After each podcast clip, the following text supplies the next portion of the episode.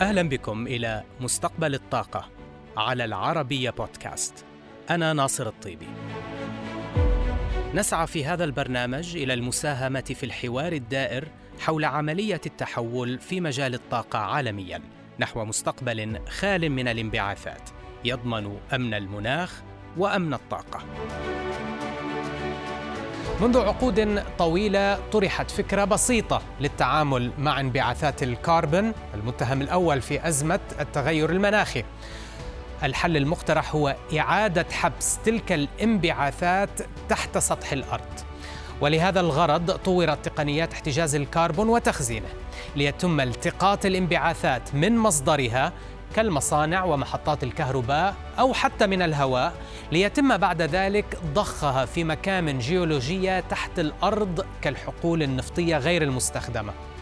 لكن تلك التقنيات لم تفلح في ضوء تكاليفها الباهظة حتى الآن. فيبدو أن تقنيات احتجاز الكربون وتخزينه على موعد مع عهد جديد ففي ضوء اتفاقية باريس للمناخ وأهدافها بالوصول إلى صافي صفر بحلول عام 2050 يتم إعادة إحياء احتجاز الكربون كأداة مكملة للعديد من الوسائل والمقاربات الأخرى الهادفة لتحقيق الحياد المناخي. فقد وجدت التقنية طريقها إلى استراتيجيات وخطط العديد من الدول وكبرى شركات النفط والغاز الدولية والوطنية حيث تتمتع تقنيات احتجاز الكربون وتخزينه بميزة تؤهلها للعب دور مزدوج في التخفيف من آثار التغير المناخي. فهي اولا قادرة على خفض الانبعاثات الصادرة عن الصناعات كثيفة الاستهلاك للطاقة كالإسمنت والصلب والكيماويات إلى جانب محطات الكهرباء لا سيما تلك العاملة على الفحم. بالإضافة إلى إنتاج الهيدروجين الأزرق المنزوع الكربون. وقد ثبتت فعالية التقنية في التقنية هذه في مجالات من حيث التطبيق والكلفة. أما دور التقنية الثاني فيكمن في إزالة الكربون خاصة عبر تقنيات الالتقاط المباشر للكهرباء من الهواء لتتمكن من سحب تلك الكميات من الكربون التي يصعب تجنب إطلاقها أو احتجازها عند المصدر. وقد انعكست هذه التغيرات الاستراتيجية والتطورات التقنية الأخيرة ايجابا على اهتمام المستثمرين بمشاريع احتجاز الكربون حيث ارتفع العدد العالمي لتلك المشاريع التجارية المشغلة. الكبيرة الحجم من ثمانية مشاريع عام 2010 إلى 26 مشروعا بنهاية العام الماضي بحسب The Global CCS Institute. ليصل عدد المشاريع قيد الإنشاء إلى ثلاثة ويبلغ عدد تلك تحت التطوير 34 مشروعا. حجم القدرة التشغيلية اليوم يبلغ 41 مليون طن سنويا وبحسب وود ماكنزي فإن المشاريع تحت التطوير التي وصلت إلى مراحل متقدمة تصل سعتها إلى نحو 130 مليون طن سنويا. الجدير بذكر أن أكثر من نصف إجمالي القدرات التشغيلية لاحتجاز الكربون وتخزينه القائمة اليوم عالميا تتركز جغرافيا في أمريكا وكندا في حين أن 65% منها تستعمل في تطبيقات معالجة الغاز الطبيعي والتي تتميز اليوم بانخفاض كلفتها نسبياً. وتشير بعض الدراسات إلى أن الوصول إلى صافي صفر بحلول عام 2050 سيتطلب مضاعفة السعات التشغيلية لاحتجاز الكربون القائمة اليوم بأكثر من 100 مرة. وارتفاع عدد مشاريع احتجاز الكربون حول العالم ليتجاوز 2000 مشروع. إلا أن هذه الزيادة في قدرات احتجاز الكربون وتخزينه تواجه تحديات عديدة لجهة الوصول إلى الحجم المطلوب. ومن أبرزها أولا العامل التجاري خاصة في الأماكن التي لا حاجة لها لثاني أكسيد الكربون كلقيم. ثانيا ارتفاع كلفة بعض تقنيات احتجاز الكربون خاصة تقنيات الالتقاط المباشر للكربون من الهواء. ثالثا غياب بيئة تشريعية ورقابية مساندة في بعض الأسواق. وأخيرا نقص البنية التحتية اللازمة لنقل ثاني أكسيد الكربون. لكن وبالرغم من تلك التحديات يرى مناصرو تقنيات احتجاز الكربون أن هذه الأهداف قابلة للتحقيق ويشيرون إلى أن أحد أبرز حلول تطوير هذه التقنية تجاريا وهي إنشاء تكتلات مركزية لاحتجاز الكربون وتخزينه تتألف من مجموعات صناعية مصدرة لثاني أكسيد الكربون تكون قريبة من مواقع التخزين المحتملة بالتالي هذه التجمعات وقربها الجغرافي من بعضها البعض سيسمح لخفض المخاطر المرتبطة بتطوير تقنيات احتجاز الكربون عبر المشاركة في تكاليف البنى التحتية اللازمة من جهة وتفعيل اقتصاديات وفورات الحجم من جهة أخرى. فهل يتصدر احتجاز الكربون وتخزينه سلم أولويات صناع القرار فيما يخص الحياد المناخي أم يتذيلها لصالح تقنيات ومقاربات أخرى مثل الطاقات المتجددة وتقنيات كفاءة الطاقة.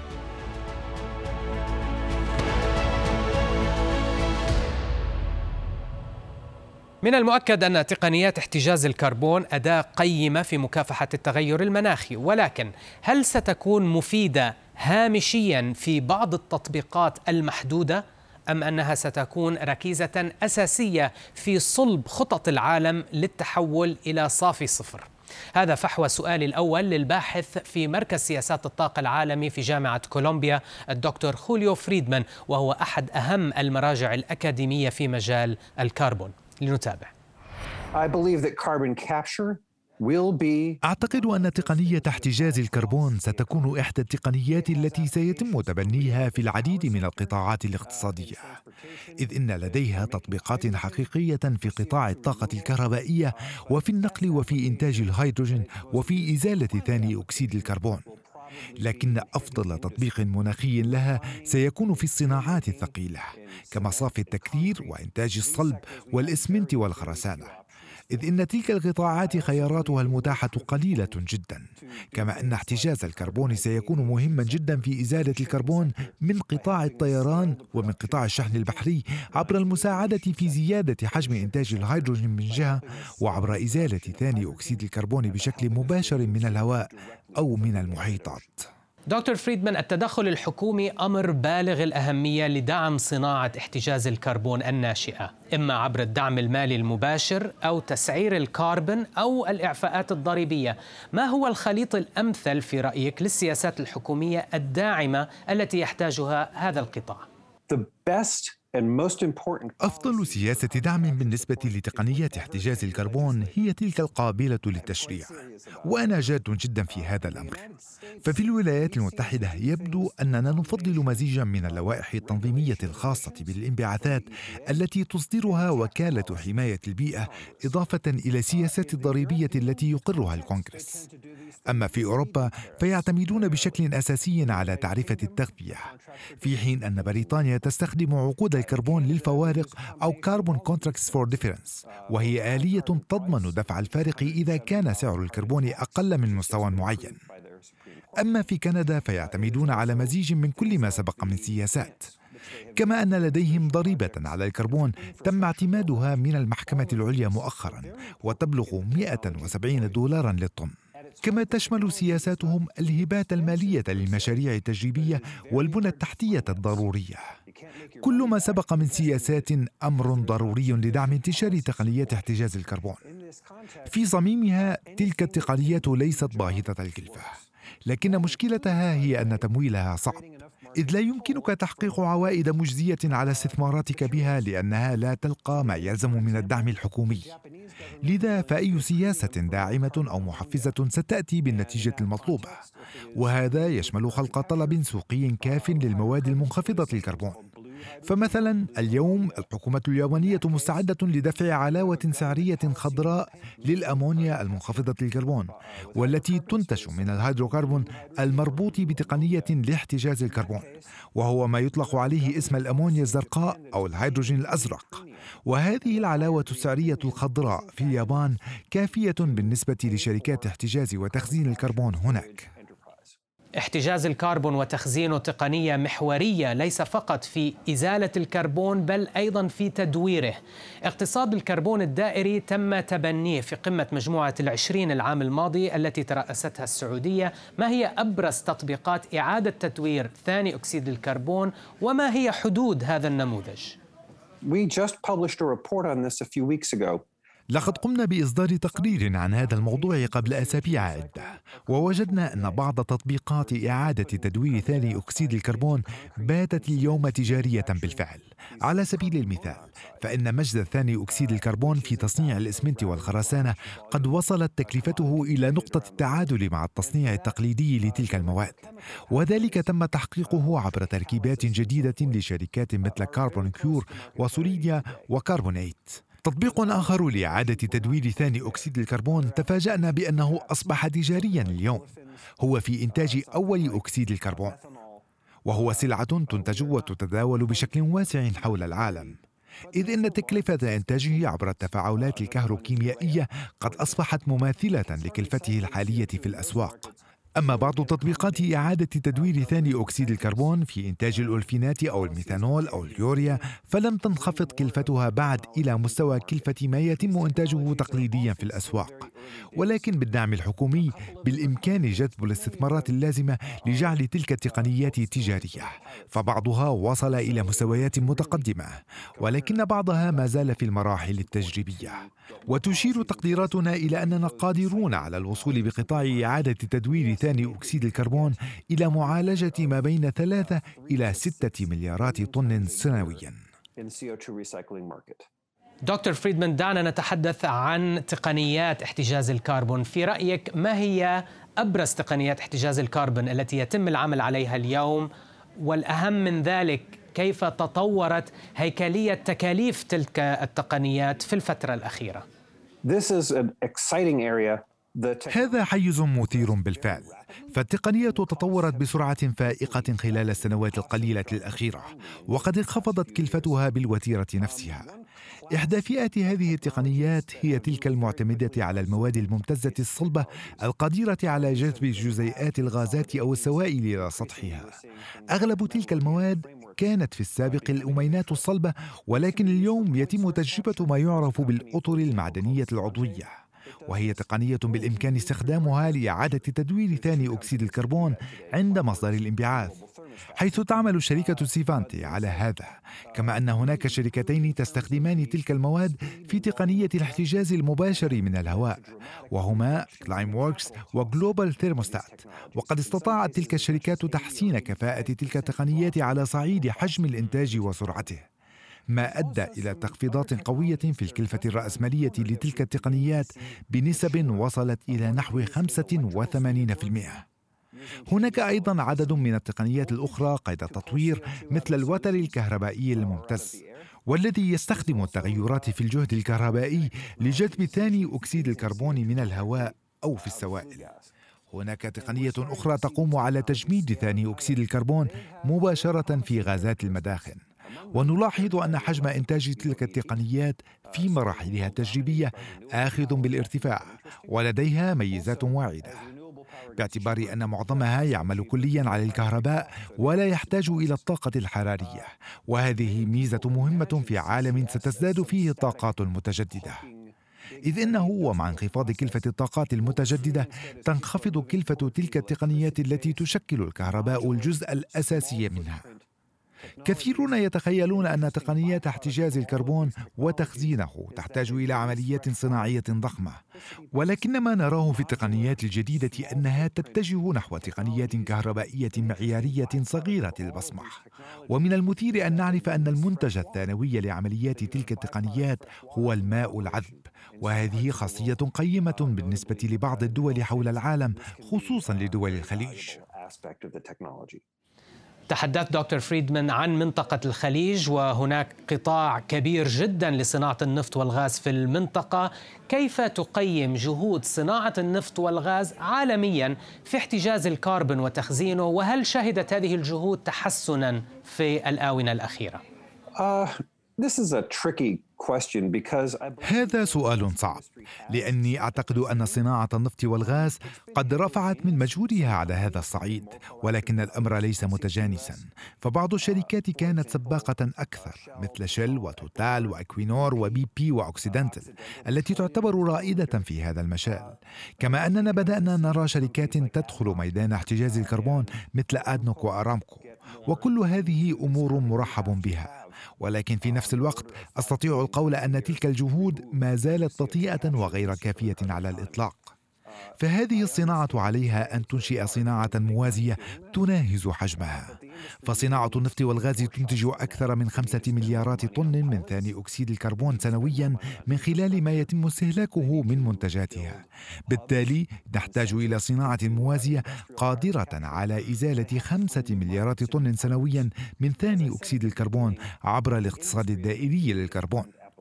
أنا أتفهم أن تحقيق الإيرادات صعب للغاية من هذا النشاط حاليا ولكن على الصناعة أن تحاول استهداف ذلك بقدر أكبر. عليها أن تنفق المزيد على المشاريع التجريبية عليها أن تنفق أكثر على البنى التحتية عليها أن تنشئ مراكز صناعية لاحتجاز الكربون وعليها إيجاد أسواق وشركاء جدد.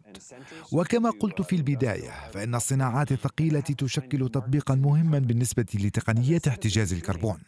وهذه فرصة مثالية لشركات النفط والغاز. وقد بدأنا نرى ذلك يتبلور مع صناعة الصلب في أوروبا ومع صناعة الإسمنت في أمريكا ومع الصناعات الكيماوية حول العالم. نرى المزيد من الشراكات في تلك المجالات. بعضها يتمحور حول تعديلات في النماذج القائمة. لكن الأهم من ذلك أننا بدأنا نرى مشاريع لإنتاج الهيدروجين الخالي من الكربون. الأزرق والأخضر. والهيدروجين الأزرق تحديدا بالإمكان زيادة حجم إنتاجه بشكل سريع وهذا يشكل فرصة رائعة بالنسبة لصناعة النفط والغاز. دكتور جئت على حديث الهيدروجين. اليوم آه، يقال أن الهيدروجين سيكون لاعب رئيسي في عملية التحول في مجال الطاقة بعد عام 2030 لكن التحديات التي تواجه الهيدروجين كبيرة وترتبط بتكلفة هائلة. ما هي البنى التحتية الضرورية لمستقبل الهيدروجين وهل من الضروري أن يشمل مستقبل الهيدروجين الهيدروجين الأزرق إضافة إلى الأخضر؟ We really are going to need huge volumes of hydrogen. سنحتاج حتما إلى كميات ضخمة من الهيدروجين لا أرى كيف باستطاعتنا الوصول إلى عالم صافي صفر انبعاثات من دون ذلك ويجب أن يكون هذا الهيدروجين إما منخفض الكربون أو خاليا منه وكما ذكرت أنت فهذا سيتطلب استثمارات طائلة. وهنا تكمن ضرورة السياسات الحكومية الداعمة لتحقيق ذلك. وهي سياسات بدأنا نراها في أوروبا وفي اليابان كما أشرت سابقا وحتى في أمريكا من خلال الخصومات الضريبية لمشاريع إنتاج الهيدروجين المنخفض الكربون.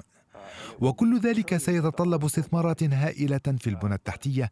كما ستفصل ذلك دراسة ستصدر عنا قريبا وستصل قيمتها إلى تريليونات الدولارات. ولكن هذا هو المطلوب. فنحن ننفق تريليونات الدولارات حول العالم على أمور أخرى وهذه ستكون إحدى الأمور التي نحتاج إلى الإنفاق عليها بالقدر نفسه. والبنى التحتية ضروريه ستكون خليطا من الأخضر والأزرق. فمن المؤكد أننا سنشيد طاقات متجددة تكون مخصصة بالكامل لإنتاج الهيدروجين مثل ما سيحصل في مشروع نيوم كما تعرف. حيث ستعمل شركتا Air Products و Thyssenkrupp والسعودية على إنتاج الأمونيا الخضراء. وهذا مشروع ضخم فعلا. تبلغ قيمته نحو خمسة مليارات دولار. منها مليارات دولار ستنفق على البنى التحتية. لكنها ستستخدم تقنيات قادرة على أن تدر الأرباح من اليوم. وسيلحق من يوم مستقبلا مشاريع أخرى عديدة مماثلة. ليس بالضرورة أن يكون كل الهيدروجين المنتج في المستقبل أزرق. ولكن كما قلت سابقا قيمة احتجاز الكربون هي في أنه يوفر المال. إذ أن الهيدروجين الأزرق أرخص من الأخضر اليوم بنحو المرتين إلى ست مرات وهذه ميزة مهمة. كما أن الهيدروجين الأزرق يوفر الوقت فأكبر مشروع لإنتاج الهيدروجين الأخضر اليوم ينتج طنين ونصف الطن يوميا في حين أن أكبر مصنع لإنتاج الهيدروجين الأزرق اليوم ينتج 500 ضعف ذلك. بالتالي بمقدورك اليوم إيصال كمية ضخمة وبسرعة من الهيدروجين الأزرق إلى السوق. كما أن الهيدروجين الأزرق يخفض المخاطر. فليس لدينا اليوم ما يكفي من المصانع عالميا لإنتاج أجهزة التحليل المائي المطلوبة. لكن لدينا ما يكفي لإنتاج الأزرق. فأنت قادر على شراء ما يلزمك من أجهزة لإصلاح الميثان بالبخار وأجهزة الإصلاح الحراري الذاتي لبناء مصانع هيدروجين قادرة على إنتاج 2000 إلى 3000 طن يوميا من الهيدروجين الأزرق بكل سهولة. مؤخرا تم الإعلان عن مشروع في كندا لإنتاج الهيدروجين الأزرق بطاقة 2000 طن يوميا ومن المرتقب أن يدخل الخدمة خلال سنوات معدودة. بالتالي أتوقع في المستقبل أن نرى مزيجا من الهيدروجين الأزرق والهيدروجين الأخضر والشيء الذي سيحدد نصيب كل منهما هو السياسات التي سننتهجها وكمية الأموال التي سننفقها وحجم البنى التحتية التي سنشيدها. هذا ما سيحدد حقيقة مستقبل الهيدروجين ومستقبل صناعة النفط والغاز.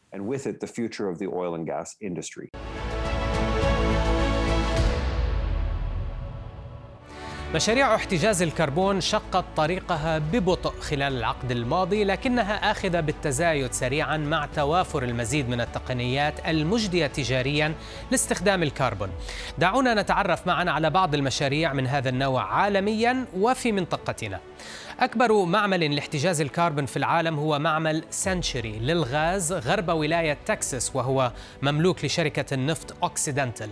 يحتجز هذا المصنع 8.4 مليون طن سنويا من ثاني أكسيد الكربون ليتم ضخها عبر أنبوب بطول 160 كيلومترا إلى آبار الشركة في حوض بيرميان لتعزيز استخلاص النفط الصخري منها. وبلغت تكلفة هذا المشروع مليار و100 مليون دولار.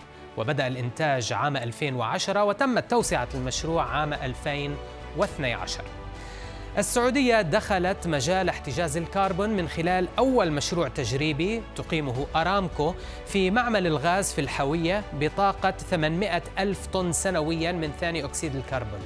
هذه الكميات من السي أو 2 يتم نقلها عبر خط أنابيب بطول 85 كيلومترا لتحقن في حقل العثمانية لتحزيز استخلاص النفط.